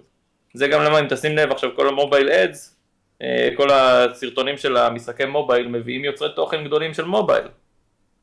כי זה אסוציאציה. זה שזה... כן. זה אתה בא ואתה אומר וואלה אני מכיר את הבחור הזה, יצא לי זה, וגם לא מביאים יוצרי תוכן של טיק טוק, הם מביאים יוצרי תוכן של יוטיוב. הפרסומות זה פרסומות של חמש שניות, סבבה, אבל אני מכיר את הבן אדם. בשנייה שהפנים שלו עליו, שהפנים של המשחק, אה, שהוא הפנים של המשחק, אז יש לי פה איזה, איזה טריגר חיובי שישר מביא לי אסוציאציה חיובית למשחק. אה, וזה בגלל שהוא בנה את המותג שלו, שהמותג שלו שווה, שווה ערך מספיק בשביל שהחמש שניות האלה יהיו uh, מתאימות. בדיוק. אני לא חושב שפרסומת של חמש שניות עם טיקטוקר תעשה לך את אותו אימפקט. בדיוק. בשום דרך אפשרית. כי יש פה בחירה יותר נכון של הפלטפורמה עצמה להיות יותר מכנית, ודרפור בגלל שיש מכניות פחות רנדומליות. דיברתי על זה עם הרבה מאוד מומחים שהם פרופסורים בכל מה שקשור לסוציולוגיה בוא, בוא אני אפתח לך עוד אם אנחנו מדברים על סוציולוגיה ועל uh, uh, תיאוריות תקשורתיות. Uh, יש לך שתי מושגים, אה, אחד מהם קוראים לו lean forward, אחד קוראים לו lean backwards. lean forward זה כשאתה מסתכל ככה, אתה שקוע בנושא שאתה מסתכל עליו, אה, בין אם זה עכשיו אה, משחק מחשב או דברים כאלה. lean backwards זה אתה מסתכל אחורה, אתה נחמד לך, אתה מעביר ערוץ אולי פעם ב... אתה צורך תוכן באופן אקטיבי ובאופן פסיבי. בטיק טוק העובדה היא שהתוכן כשאתה גולה למעלה הוא מגיע אליך באופן פסיבי, שרירותי, באופן פסיבי. ביוטיוב אתה בוחר את התוכן הבא שלך. זה כבר נותן לך אימפקט של תוכן אקטיבי. עכשיו העניין פה גם הוא עוד יותר אה, אה, מתחזק כשאתה חושב על זה שבאמת אני בוחר את הסרטון. אני עשיתי את הבחירה, אני יודע לאן אני נכנס. אם יש ספונסר, אני אומר ההחלטה היא עליי. אמת. זה, זה משהו, זה סוג של הסכם שאני עשיתי. ראיתי את הטאמנייל, אמרתי וואלה אני מוכן להיכנס. אני מוכן לספונסר הזה, זה ספונסר שאני בחרתי בו. זה סוג של אלמנט אה, פסיכולוגי כזה. אבל בשנייה שזה ספונסר ש... שמגיע לך בטיקטוק, אתה אפילו לא בחרת להיכנס לסרטון הזה. זה מרגיש לי כמו חילול קצת של הבחירה שלי, זה שאני בפלטפורמה פה. אני מבין שיש פרסומות, אבל פתאום יש גם ספונסר על, ה... על הסרטון שאני רואה, זה לא פרסומת, זה לא מה שאני, זה לא מה שאני חתמתי עליו. יש פה כמה אלמנטים ש... שאומרים את זה, אבל העניין של ה-lean forwards, lean backwards הוא מאוד חזק לפי דעתי. שבאמת בטיק טוק זה הכי lean backwards בעולם, והמספרים שם זה למה הם לא שווים. כי אני לא יכול לבוא ולהגיד ש lean backwards שווה ל lean forwards, כי זה לא נכון. כל מחקר שעשו אי פעם אמרו שהאינטראקציה היא פחות טובה, הכל, הכל שם פחות, אה, פחות איכותי. וזה בא לי מתיאוריה כלשהי ש... אנחנו עם המכרובים שלנו על החיים, ורשמתי את זה לפני השיחה שלנו, אני רושם הרבה מאוד דברים כאלה בוואטסאפ והכל בתור notes. האם זה מגיע מהעניין הזה ש... ואני אוהב לחקור את בני האדם, זה למה זה כזה טוב. אנחנו בני אדם מנסים למלא חור מסוים בחיים שלנו. חור מסוים שקורה בגלל מכאובים, בגלל הקושי של החיים והכל. בגלל הצריכה הפסיבית יש אולי יותר צפיות לזה ויותר אפשרות לזה, ואתה מנסה למלא חור זמן שלך. therefore, כאילו, אתה פשוט בא וממלא את זה, אבל אתה לא בא ונכנס לזה, you're not internalizing it. כאילו, אתה לא מכניס כן. את זה לתוך הגוף שלך, זאת הכוונה. כי אתה כן, ממלא, ממלא מאוד, חור. אה, זה מאוד uh, low level, התוכן שצופים בטיקטוק, וזה גם למה אני תמיד אומר, בטיקטוק התוכן הוא זה שקובע, ביוטיוב היוצר תוכן הוא זה שקובע. ובסופו של דבר, שמע, טיקטוק מעיפים accountים על ימין ועל שמאל, מי שמע על דבר כזה? לעשות ban ליוצר תוכן של 300 אלף, 800 אלף, 900 אלף. הם עושים את זה על אה, סדר יומיומי, כאילו. כן, מה אכפת להם? כי הם לא שמים, לא אכפת להם, הם אומרים, התוכן הוא זה שחשוב, אתם לא חשובים בתור... אה, בתור אה, אנשים בפלטפורמה. כל יום אפשר להחליף אותם. אותנו. כן, כי אפשר להחליף אותם. אבל ביוטיוב זה לא מקרה, ביוטיוב אה, לשים בן עכשיו, אתה, אתה רואה, אה, יש אנשים שקיבלו בן ליוטיוב, אני פותח טוויטר, אה, שולח טוויט לסוזן, המנכ"לית של, של יוטיוב, תוך אה, 24 שעות, אם זה מספיק ערוץ פופולרי וכאלה. זה, הכל נפתר, בואו נסתכל על הפריצה של עידן. לא היה כל כך קשה למצוא את האנשים אה, בשביל הזה, אני גם שאלתי את עידן אה, באות, באותו יום, אחרי שהוא פרסם את הסרטון, אם הוא צריך איש קשר בגוגל, הוא לא היה צריך, היה לו 14. לך תעשה את זה בטיק טוק, נראה אותך. זה עד כמה אתה חשוב לו... בתור influencer. כן, זה ב... אני, אני מאוד מרגיש, הרבה פעמים שואלים אותי על העניין הזה של היוטיוב נגד טיק טוק. זה משהו, זו שיחה שעולה באמת אה, באופן יומיומי.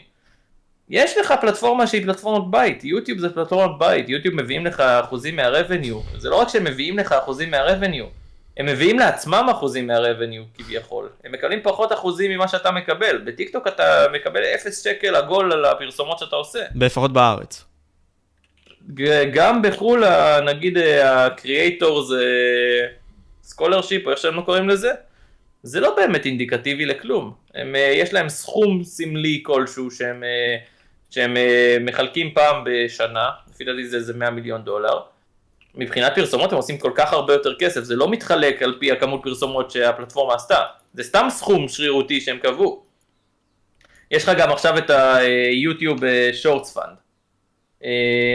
זה, זה נגיד גם סכום שרירותי, אבל הם אומרים, אנחנו לא עושים כסף על השורטס מהפרסומות, כי גם, גם ככה אין לנו פרסומות כרגע על השורטס. אז אנחנו מוכנים לבוא ולספוג את המאה מיליון דולר ששמנו על הדבר הזה והכל טוב.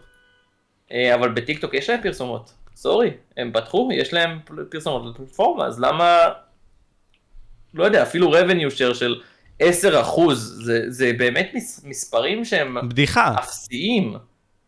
אבל 0 אחוז, 0 אחוז, ואנשים והעולם אה, שותק. אני לא, לא יודע למה, לא זה נראה לי בגלל העניין הזה, אם אנחנו נחזור למה שאמרנו, שהצופים של יוטיוב, אה, בפועל שווים לצופים של טיק טוק, ו therefore זה נותן להם הרבה יותר אופציות והרבה יותר גישות לפרסומות והרבה יותר, אז הם אומרים כזה ניחא, יאללה, בוא נשים את זה בצד, לא מעניין אותנו ה funds האלה, זה לא כזה מעניין אותנו את התחת, בוא, בוא פשוט נתרכז בדברים האלה שאנחנו עושים, בעקבות טיק טוק, בעקבות החשיפה הזאת. נכון, הם טוענים, אנחנו נותנים לכם את הפלטפורמה, ואם אה, עכשיו מישהו ישאל אותנו מטיק טוק גלובל, או אה, איפשהו בטיק טוק התאגיד על שיתופי פעולה, ברור שאנחנו נגיד שזה, שזה שווה ערך ליוטיוב. גם בסופו של דבר אין להם אינטרס לא להגיד את זה. אבל הם ייתנו להם גב, והם יעזרו להם להשיג פלטפורמה שהם כאילו הם אל חנון ורחום שהוא נותן להם את האופציה לעשות כסף מהפלטפורמה הזאת. אני, אני לא מתחבר. הנה, לא קפטן בל פה רושם, גם אינסטגרם לא משלמים שקל, אבל מצד שני, משפיענים באינסטגרם מרוויחים המון מקמפיינים. נכון, הם מרוויחים, הם, אובייקטיבית באינסטגרם אתה מרוויח המון מקמפיינים, זה נכון. זה, זה פלטפורמה שהיא עובדת אה, על אה, מודל קצת שונה, הוא גם המודל הזה של ה... אה, של ה... שאתה מקבל את התוכן ישירות לווריד, אה, המחט התורית וכל זה, אבל... אה, אבל יש שם איזה שוני, כי באמת האינסטגרם לא לוקח לך כל כך הרבה זמן, והתוכן שם הוא תוכן שהוא ברובו, אם אנחנו מדברים על האינסטגרם הישן, לא על האינסטגרם שלה, שניסה עכשיו להיות אה, טיק טוק שוב פעם.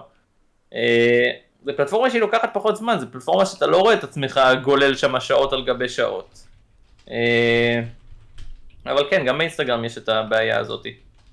גם מאינסטגרם יש את הבעיה הזאת. יש משהו שנחשפתי אליו עם חבר שהוא פודקאסטר שלי, ש...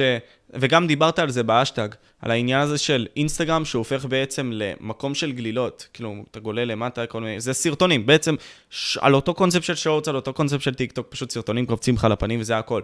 האם הם מכור... הרשתות החברתיות עצמן מכורות לטרנדים האלה גם כן, וגם מה ההשפעה של זה, נגיד סתם עלינו. האם זה מאפשר לי, לך ולכל אחד אחר שמייצר תוכן, פשוט, אוקיי, בוא נפזר את התוכן שלנו, ונעלה אותו כמו נאס דיילי אולי, ב-90 תכנים ביום כזה, אולי בשפות שונות, בווריאציות טיפה שונות, ואולי להתאים לפלטפורמה, that's it, נסגור את הבסטה בקטע הזה. אה, אפשר לעשות את זה, זה, את האמת שזה רעיון אה, מצוין מבחינה פרסומית, שאם אתה גם ככה יוצר תוכן, אז למה לא לנצל אותו בעוד פלטפורמות? זאת שאלה טובה. אה, אבל הקטע העיקרי זה שזה, יכול להיות שזה קצת, אני לא, אני לא חושב שזה מוזיל, שמעתי מהרבה אנשים שזה מוזיל מהתוכן, אני לא מסכים עם זה כל כך. אבל אין סיבה לא לעשות את זה. אני לא בעד העניין הזה שכל הפלטפורמות מנסות להיראות אותו דבר ואז בסופו של דבר אה, בגלל שטיק טוק היא כרגע הכי חזקה אה, אז כולם מנסים אה, לבוא ולגנוב לה את ה-UI ולשחק על אותו מקום של אני לא יודע מה אני רואה. כי באמת הקונספט הזה שאני בא, אני פותח אפליקציה ואני לא יודע אם אני ביוטיוב או אינסטגרם זה לא לגיטימי בשום דרך. זה שטיק טוק הלכו על הקונספט של NUI בשביל שאף אחד לא באמת... מה זה NUI? צופים למי שלא יודע. אה, לא, שאין להם אה, UI אה, אמיתי. בטיקטוק אין את ה-UI מסביב כמו שיש לאינסטגרם. Mm. אתה מגיע והחוויה שלך היא חוויה שקופה לחלוטין. יש לך אולי קצת טקסט מצד שמאל, אבל באמת שאין להם שום דבר שם. ועכשיו בגלל שאין להם את ה-UI הזה, אז גם כל שאר החברות יכולות לעשות את זה נגיד אצלם. גם, אין לי שום UI ביוטיוב שורטס, יש רק כיתוב קטן שהוא במקום טיפ טיפה שונה מאינסטגרם, מטיק טוק, ואין לך את העיגול הקטן הזה מצד ימין למטה. אה, אבל מבחינת אה, האם זה הבדלים שהם מספיק בולטים לעין, הם לא מספיק בולטים לעין. אני מבחינת user, אה, אני יכול להתבלבל ולהגיד וואלה, אני לא ידעתי שאני בטיק טוק slash אינסטגרם, כי אני לא... כל כך קשה להבדיל בין האפליקציות האלה.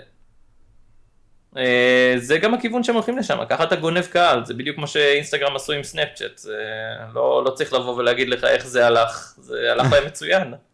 ביותר, עם העניין עם ה stories. אני פה אומר דבר כזה, כלומר, אוקיי, עכשיו דיברנו על העניין הזה של הטיקטוק והכל, לא נכנסת אפילו לשורטס בקטע הזה, בצורה הזאת. אמ, ואתה עשית ערוץ שורטס לפני שנה. אמ-המ. מה שנקרא, אה, the first mover's advantage. פשוט נחתת בנחלה, תפסת אותה, ומה שנקרא, לקחת אותה עד הסוף. פה אני שואל את עצמי דבר כזה, מה היה ה vision שלך באותם קטעים? ואולי זה יכול לעורר אצל אנשים אחרים מין סוג של השראה לעשות את זה גם בדברים אחרים שלהם. אמ, ה vision שלי היה, בגדול כשעשיתי את זה, זה היה להיות באמת אה, את ה-first mover advantage, כי אני באמת ידעתי שזה משהו שהולך להיכנס, כי ראיתי שזה נכנס כבר בהודו, אה, היו הרבה אנשים שדיברו על זה שטיק טוק ban בהודו, ושמה קורה עם זה, היה דיבור שטראמפ רוצה לעשות איזה ban גם ב, אה, בחו"ל, אמרתי וואלה, יש פה עניין של אם עכשיו אני נכנס, וזה תופס בתור פלטפורמה, מצוין. אם אני נכנס וזה תופס בתור מחליף לטיק טוק, אז עשיתי פה, זכיתי בלוטו. אה, בוא נגיד עכשיו, אה, המצב הנוכחי, שקיבלתי ערוץ שיש בו מעל חצי מיליארד צפיות ו-300 אלף סאבים וכל המסביב, זה לא המצב האידיאלי מבחינתי. למה? מבחינתי המצב האידיאלי היה שטיק טוק אה, מקבל ban ואז יהיה לי גם את הערוץ שורטס אה, אה, שהיה בו כנראה פי 40 צפיות כי לא היה טיק טוק זה היה אמור להיות התחליף של טיק טוק, טראמפ לא עמד במילה שלו, הוא לא עשה את ה ban בסוף לטיק טוק. הרס לי את התוכנית. אבל כן, בגדול, בבסט קייס סנאריו זה היה אמור להיות משהו עצום. עצום וגלובלי וגדול. עכשיו כאילו אני מסתכל על זה. ובוא נגיד, אני לא ממש מרוצה, אני לא אוהב את הקונספט הזה של השורטס, אני לא אוהב את הקונספטים האלה של, ה, אה, של הסרטונים הקצרים, אני חושב שבאמת זה מוזיל ממש, אני חושב שאם הייתי עכשיו הולך והייתי עושה את הטרנדים האלה של הטיק טוק, של ה, לבוא הסרטונים האלה של ה... קח נייר טואלט, תסובב אותו עד שהוא נופל על משהו, או אתה קח קשיות ותשים קופסה שהקהל רואה מה אתה שותה, ואז תשתה מיץ אה, חמוצים. יש כאילו סרטונים שהם סופר סופר סופר זולים. אה, והם סופר טרנדים, וזה סבבה, מי שעושה אותם, כאילו, יודע מה הוא עושה, והכל טוב, אבל אני לא מרגיש שזה באמת מביא לך את ה value שצופה אמיתי מביא לך. גם אם זה מביא לך מספרים מטורפים, גם אם זה מביא לך מספרים של 8 מיליון, 5 מיליון, 3 מיליון סאבים. אני לא יודע איך למסחר את זה. בתור בן אדם שעובד בשיווק, ובתור בן אדם שעובד ב marketing, אה, בתור בן אדם שראה את הצד לקוח, את הצד, אה, את הצד יוצר, אני לא יודע איך לבוא ולשים ערך על סרטון של מישהו ששותה שוקו בקשית אחת, ואז הוא בא לשתות בקשית השנייה ויש שם ראש של דג. אני לא יודע, לא יודע איך אני יכול לבוא ולעשות מזה, אני מבין שיכול להיות לזה 400 מיליון צפיות. אבל מה ה-added value שזה נותן? סיפוק עצמי לבן אדם השני? מה? זה, לא יודע, זה מספר, זה מספר, זה מביא לך את המספרים, אוקיי. אבל מה שווה לי המספרים אם אני לא יודע איך לקחת את זה ולעשות מזה משהו? אתה כאילו... מספר בסוף. הטיק טוק בסופו של דבר זה לתת לבן אדם את מה שהוא רוצה בצורה הכי קיצונית שיש. כלומר, אתה נותן לי עכשיו, וזה כמו עכשיו, כמו שיש אה, אישה במחזור, אתה נותן לה עכשיו מה שהיא רוצה. זה הכל, no questions asked. אבל בפועל, זה יוצר הרגל לא טוב, כי אולי זה גם עושה לק... לקהל עצמו ריפוי שכל. הם לא חושבים, כי אתה נותן להם הכל. זה עוד פעם קונסטלציה של עולם חדש מופלא כזה, שאתה נותן לאנשים את כל מה שהם רוצים באותה שנייה, אבל בפועל הם מין סוג של תודעה אחרת. תודעה של... שהם נשלטים, שהם לא מרגישים כבר, הם לא חושבים. אז כאילו אתה אומר לי פה, אוקיי, אני בתור אדברטייזר, מה אני יכול להגיד פה? אוקיי, אתם מגיעים לקהל, אתם באים ומנצלים הרבה מאוד מהסטיות שלו ומכאלה, אוקיי, מגניב. אבל מה ה-added value שלכם בפועל? מה אתם נותנים לשולחן שהבן אדם האחר לא יכול להחליף אתכם? כאילו, התהילה לא תהיה רק 15 דקות, מה מעבר? כן, וגם השאלה העיקרית היא, כאילו, איך אני...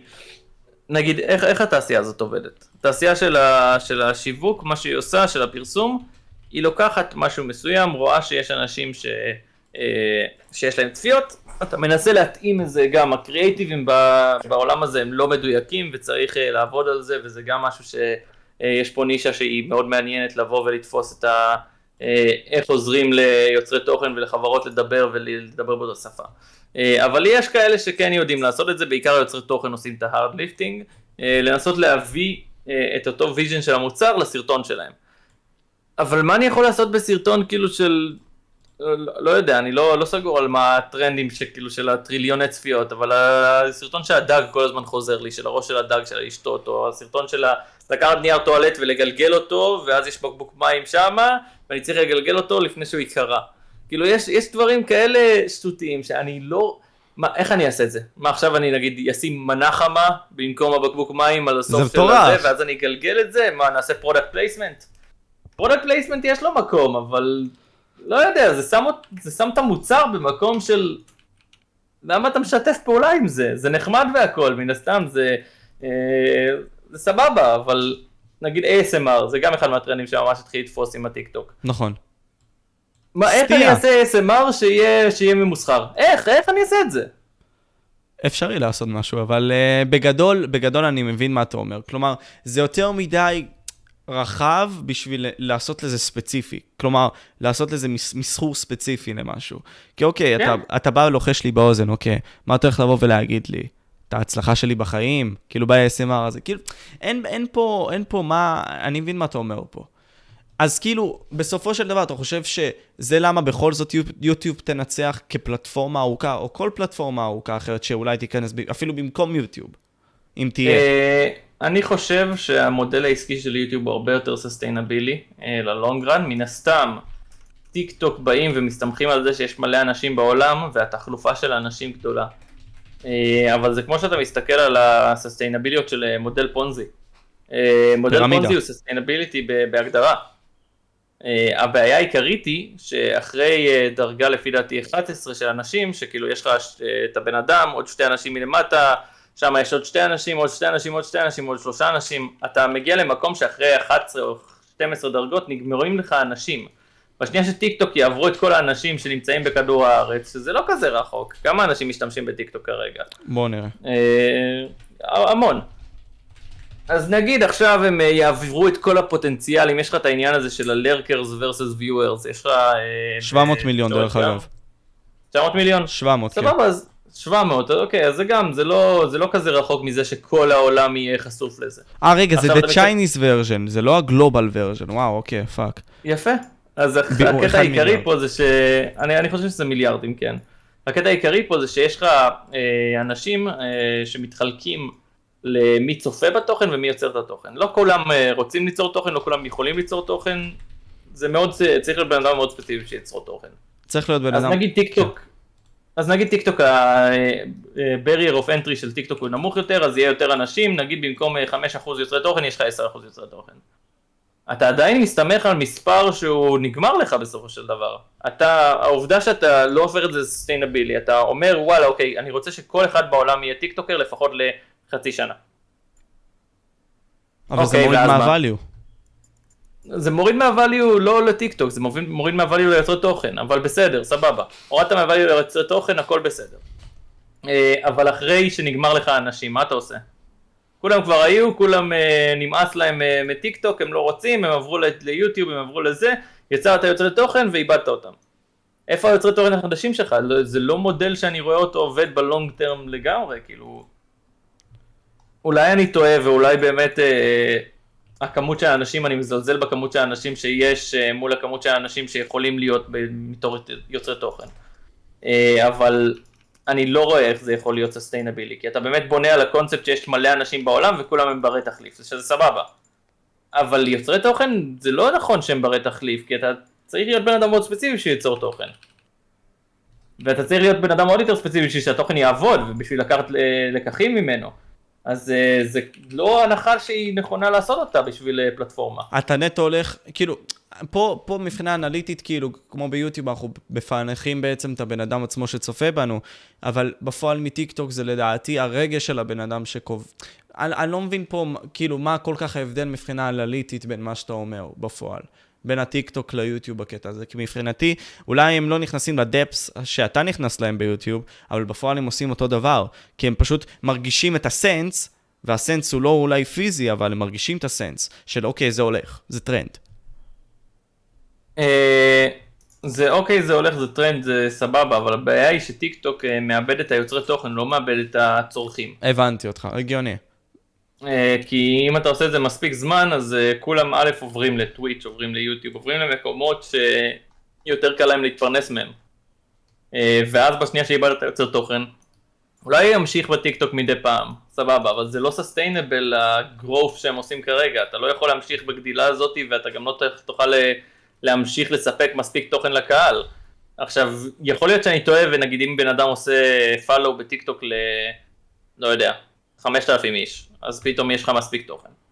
אה, כי נגיד מתוך ה-5,000, 10% הם אלה שמפרסמים את התוכן על בסיס די קבוע, יש לך 500 איש, זה כמו subscriber feed של אה, יוטיוב.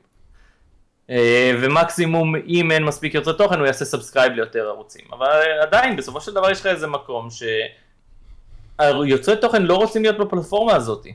הם בשנייה שזה פלטפורמה שהיא המקפצה שלך והיא מעבירה אותך לפלטפורמות אחרות, אני לא רואה איך זה sustainable. כי אין כל מיני incentive. ש... כן, אין לך incentive להמשיך שם, ה incentive שלך הוא לעבור פלטפורמה. אז בשנייה שאתה בונה עסק שה... שהקונספט שלו הוא שאני רוצה להרוג את הדבר הזה כמה שיותר מהר, או שאני רוצה לפחות לשדרג את הדבר הזה כמה שיותר מהר, המודל גדילה שלו הוא בעייתי. המודל גדילה שלו הוא בעייתי. יש פה שאלה מהקהל, אה, גם מקפטן בן, אה, אה, אם הוא יכול לשתף כמה משתתפים היו בסדנת יוצרי התוכן שהוא עשה בשיתוף פעולה עם אלון גריני. אני את האמת לא סגור, אני לא ראיתי את הכמות משתתפים כשעשיתי את הזום. לפי דעתי היה שם איזה קרוב ל-120, 150, וואו. כזה, אבל הסדנה שלי הייתה הסדנה הכי גרועה. הסדנה שלי הייתה סדנה. אנליטיקה, זה היה מאוד משעמם. אבל אני, אני חושב שזה הצד הכי סקסי בתור יוצר תוכן, לא, לא הכי סקסי מטורף כזה, וואו, אוף, צריך להיכנס אליו, אבל מבחינת החשיבות שלו הוא כל כך חשוב, כי הוא מפענח בעצם את הצופים שלך ומה הם יותר רוצים ואיך אתה יכול לשפר את התוכן, בפועל. כן, זה גם מה שאני חושב, זה למה רציתי לעשות את החלק הזה. אה, כי לא הרבה אנשים בארץ עושים את זה, אה, אבל אני מאוד אה, מתחבר לצד של הדאטה אנליסיס. תסביר את זה. אה, כאילו, מבחינת הדברים שאתה נכנס אליהם, כלומר, מה אתה חושב שהוא חשוב ליוצר תוכן, והאם אתה חושב בכלל, אוקיי, נתחיל, נתחיל מזה ככה. האם אתה חושב שבגינר בכלל, מישהו מתחיל אמור להתעסק בזה? ודבר שני, בפועל, כשאתה נכנס לרמה הזאת שאתה יכול, איך אתה עושה את זה ומה יותר חשוב לך להתרכז בו? אה, שנייה. סגור, אין בעיה. אני עוד איזה עשר דקות צריך אה, לזוז, לעזור לשלי, יוצאת למבחן עם האוטו. או, סגור. אה, אז כן, רגע, מה השאלה שוב פעם? תחזור. בנוגע לעניין הזה של אנליטיקס, האם אתה חושב שבעצם יוצר תוכן אמור אה, כתחילה לש, ל, ל, ללמוד את זה בכלל? ודבר שני, כשהוא כבר נכנס ל field, האם בפועל, כאילו לאן הוא צריך להתרכז ב analytics? מה הוא צריך ללמוד?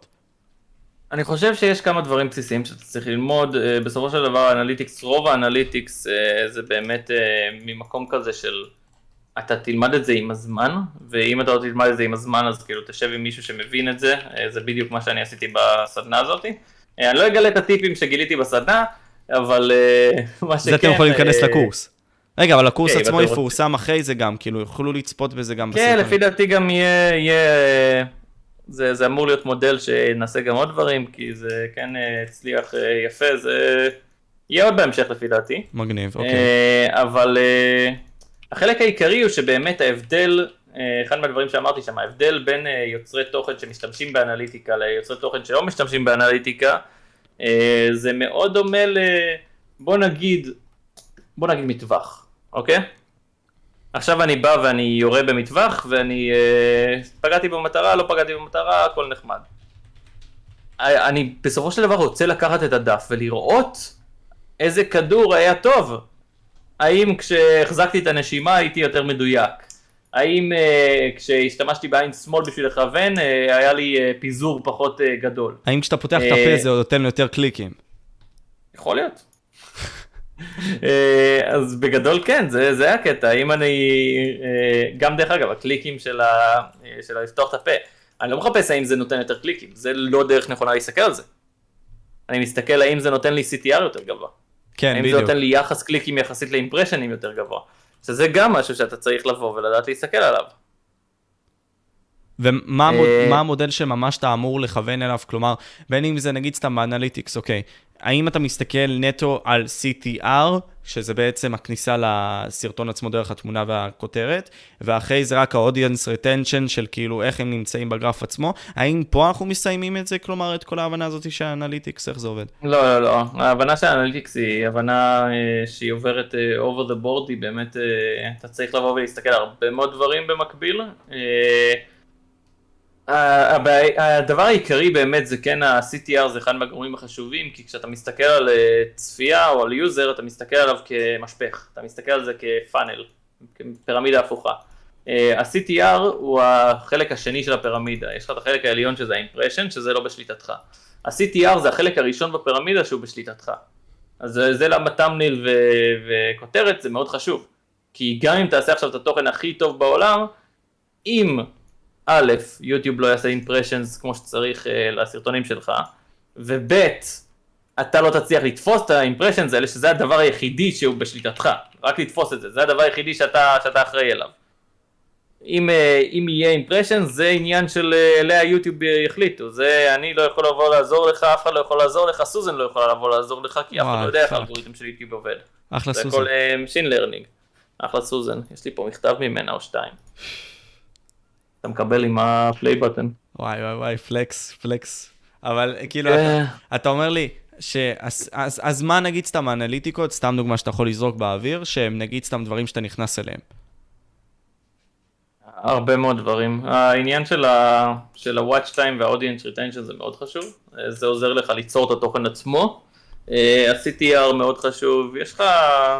יש לך לא מעט דברים. זה הבסיס, אתה. אומר. זה כאילו... אבל הבסיס, הבסיס הייתי מסתכל על audience retention ועל CTR, כי זה אומר לך, CTR זה המקום שבאמת אתה יכול לבוא ולהסתכל על אה, איך אני גורם לתוכן שלי להיות יותר טוב, איך אני גורם לזה שיותר אנשים יצפו בתוכן שלי. ה-audience retention זה לגרום לתוכן להיות יותר טוב. מה מפריד, ה... של- מה מפריד כאילו כן. אז את הענקים של יוטיוב לבין החוב... בוא נגיד ככה, הפחות מקצועיים והכל, כאילו אנשים כמוך, אנשים כמו קיסר, אנשים כמו גריני, מה מפריד אתכם מכל השאר לדעתך? אה, התמדה. מזל. אה, מזל גם חשוב, אני לא, לא בא ומתיימר לזה שבסופו של דבר, בשנייה שאתה מסתכל על המשפך הזה של יוטיוב, יש לך את המשפך. הראשון, החלק העליון פה, זה האימפרשנס, אין לי מה לעשות עם זה. החלק של ה-CTR בוודאות הוא חשוב רצח, כי אין מה לעשות, אה, אם אני מקבל מיליון אימפרשנס ויש לי CTR של 15% זה 150 אלף, אם יש לי CTR של 8% זה...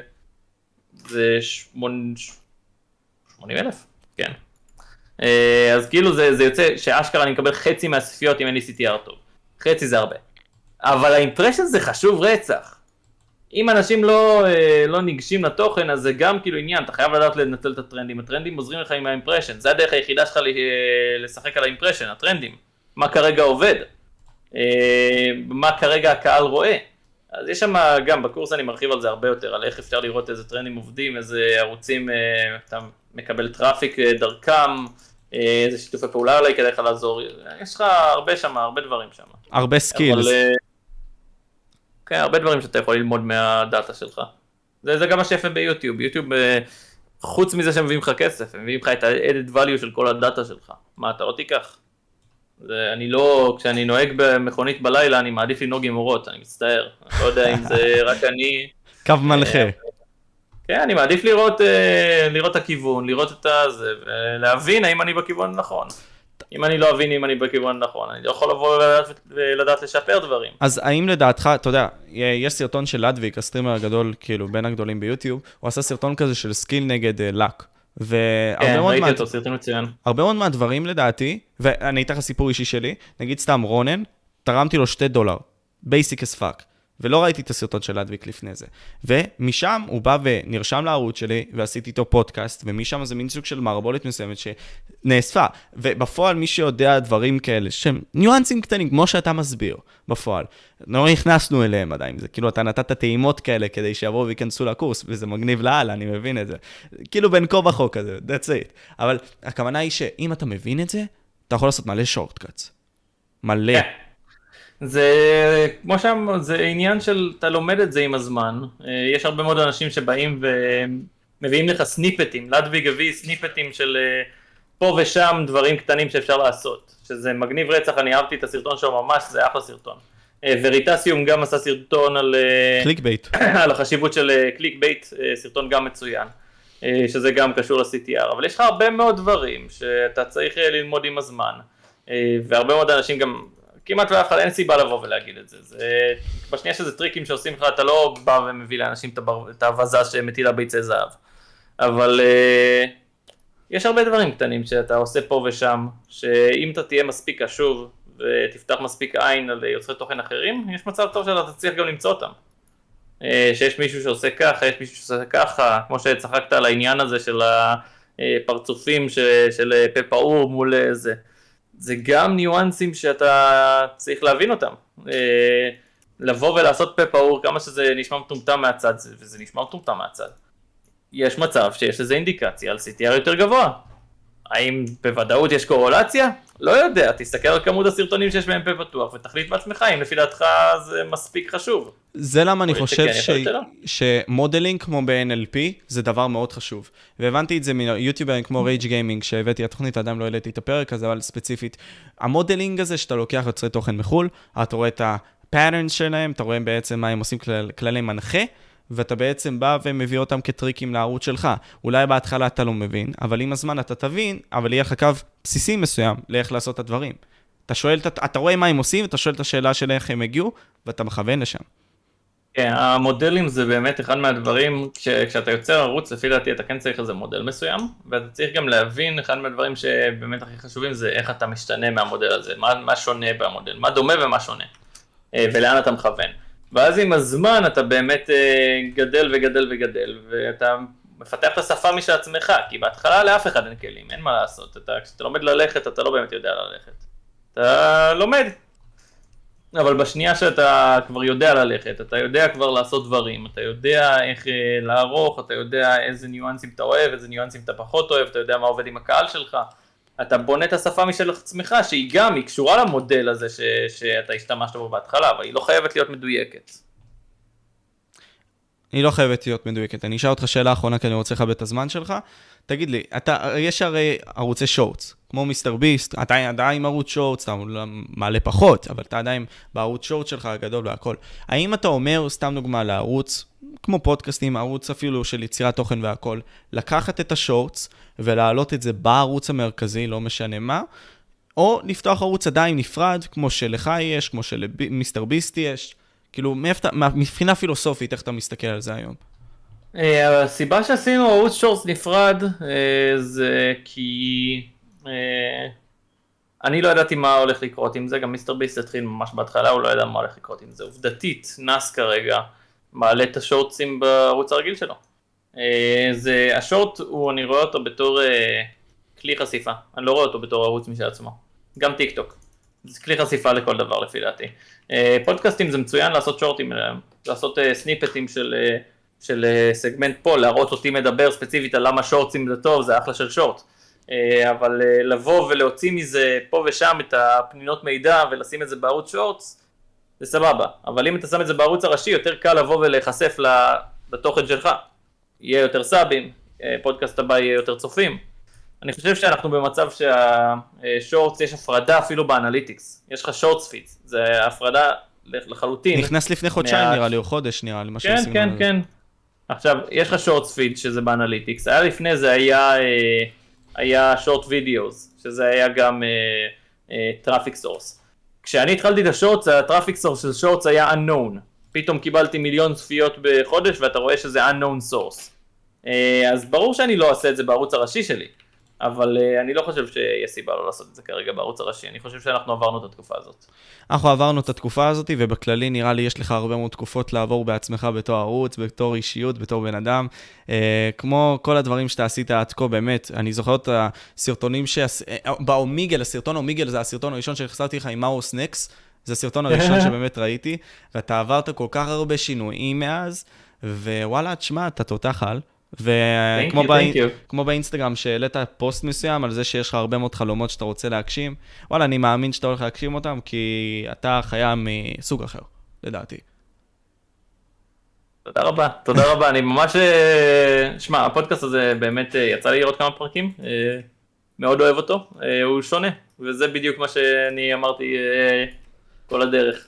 תמצא משהו שונה, תמצא משהו שעובד בארץ, אה, ותמשיך למצוא, ההתמדה לפי דעתי זה החלק אה, הכי חשוב פה.